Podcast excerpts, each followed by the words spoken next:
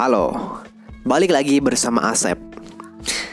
Nah, kali ini saya mau ngebahas tentang ya hal yang mungkin dianggap tabu, tetapi ya orang-orang masih mempercayai hal tersebut. Ya, langsung saja nih. Bagi kalian yang tinggal di perkampungan ya mungkin nggak asing dengan kata ini. Jangan kaget ya. Saya kali ini mau ngebahas tentang pesugihan. Ya, pesugihan. Sebenarnya gue juga agak ragu gitu mau ngebahas ini. Karena di kampung saya juga terdapat tempat yang dikenal sebagai sarangnya pesugihan. Uh, Wilayah itu adalah sebuah telaga kecil tuh di tengah hutan di antara perbukitan. Ya konon katanya tempat tersebut dihuni oleh makhluk-makhluk yang tak kasat mata gitu penduduk desa itu jarang uh, datang ke tempat itu.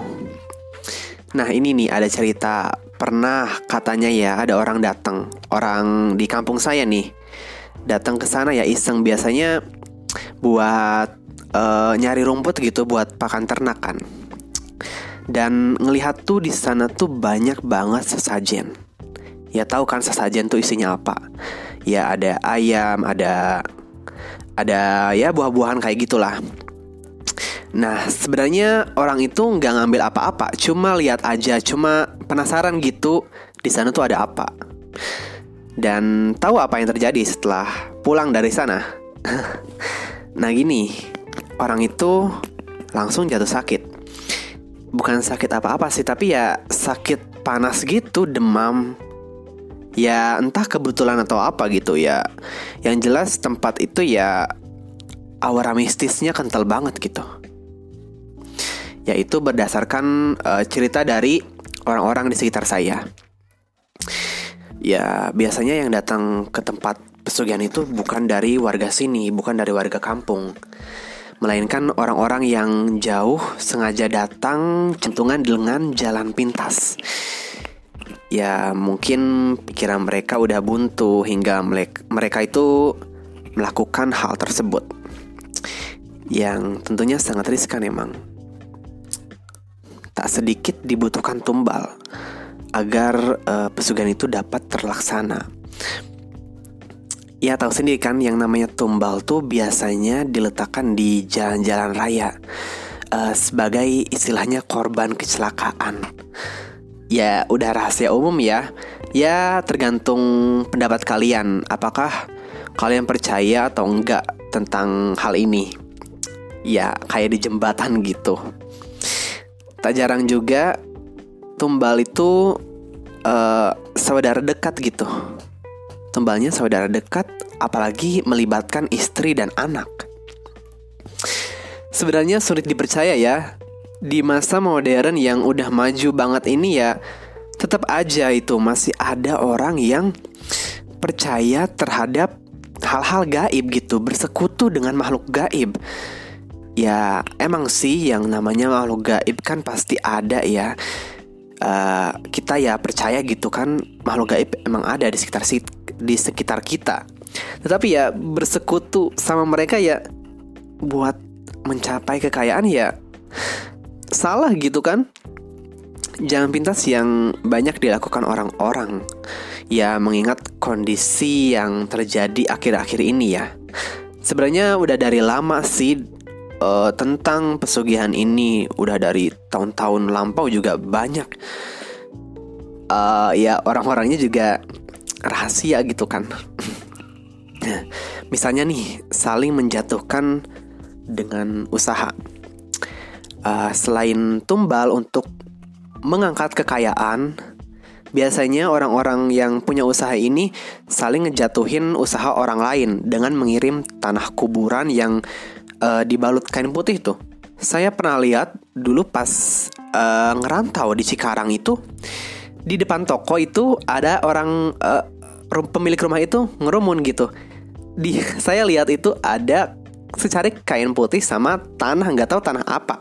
Saya kira mungkin itu adalah orang yang sirik gitu ya sama sama orang itu sirik dan mempercayai makhluk-makhluk halus buat ngehancurin usaha gitu. Saya ngeduganya gitu, ya nggak tahu sih, tapi ya emang itu benar adanya. Biasanya ya terjadi di masa sekarang ini. Ya gitulah. emang ya kalau yang namanya pesugihan maupun santet ataupun yang lainnya emang menjadi rahasia yang uh, bisa dibilang tertutup gitu kan, di tabu gitu dibicarain.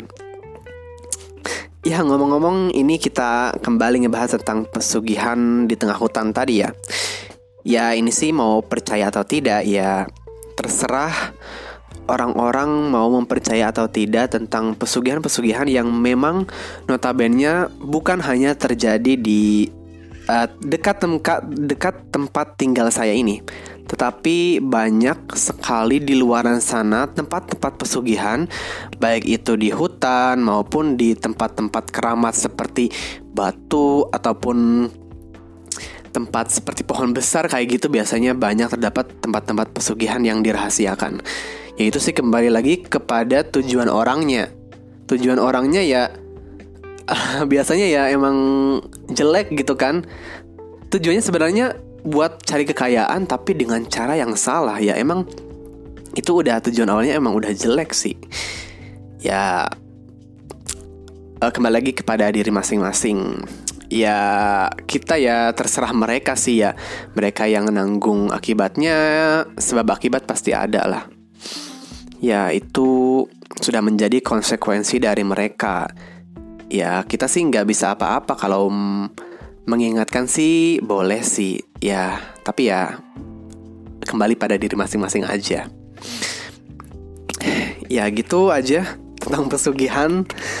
Sebenarnya uh, ya gini lah ya maaf ya jika ada kata-kata yang salah. Tapi intinya um, itu adalah uh, perbuatan yang sangat uh, dibenci gitu sirik gitu kan Oke, okay. uh, eh, sekian dari Asep nih. Semoga bisa uh, apa ya namanya membantu gitu untuk teman-teman teman-teman semuanya bisa mendengarkan podcast ini walaupun masih ada kata-kata yang kurang apa ya kurang lancar gitu kurang fasih ya saya minta maaf gitu oke okay, terima kasih Kembali uh, sampai jumpa di podcast saya berikutnya. Oke. Okay.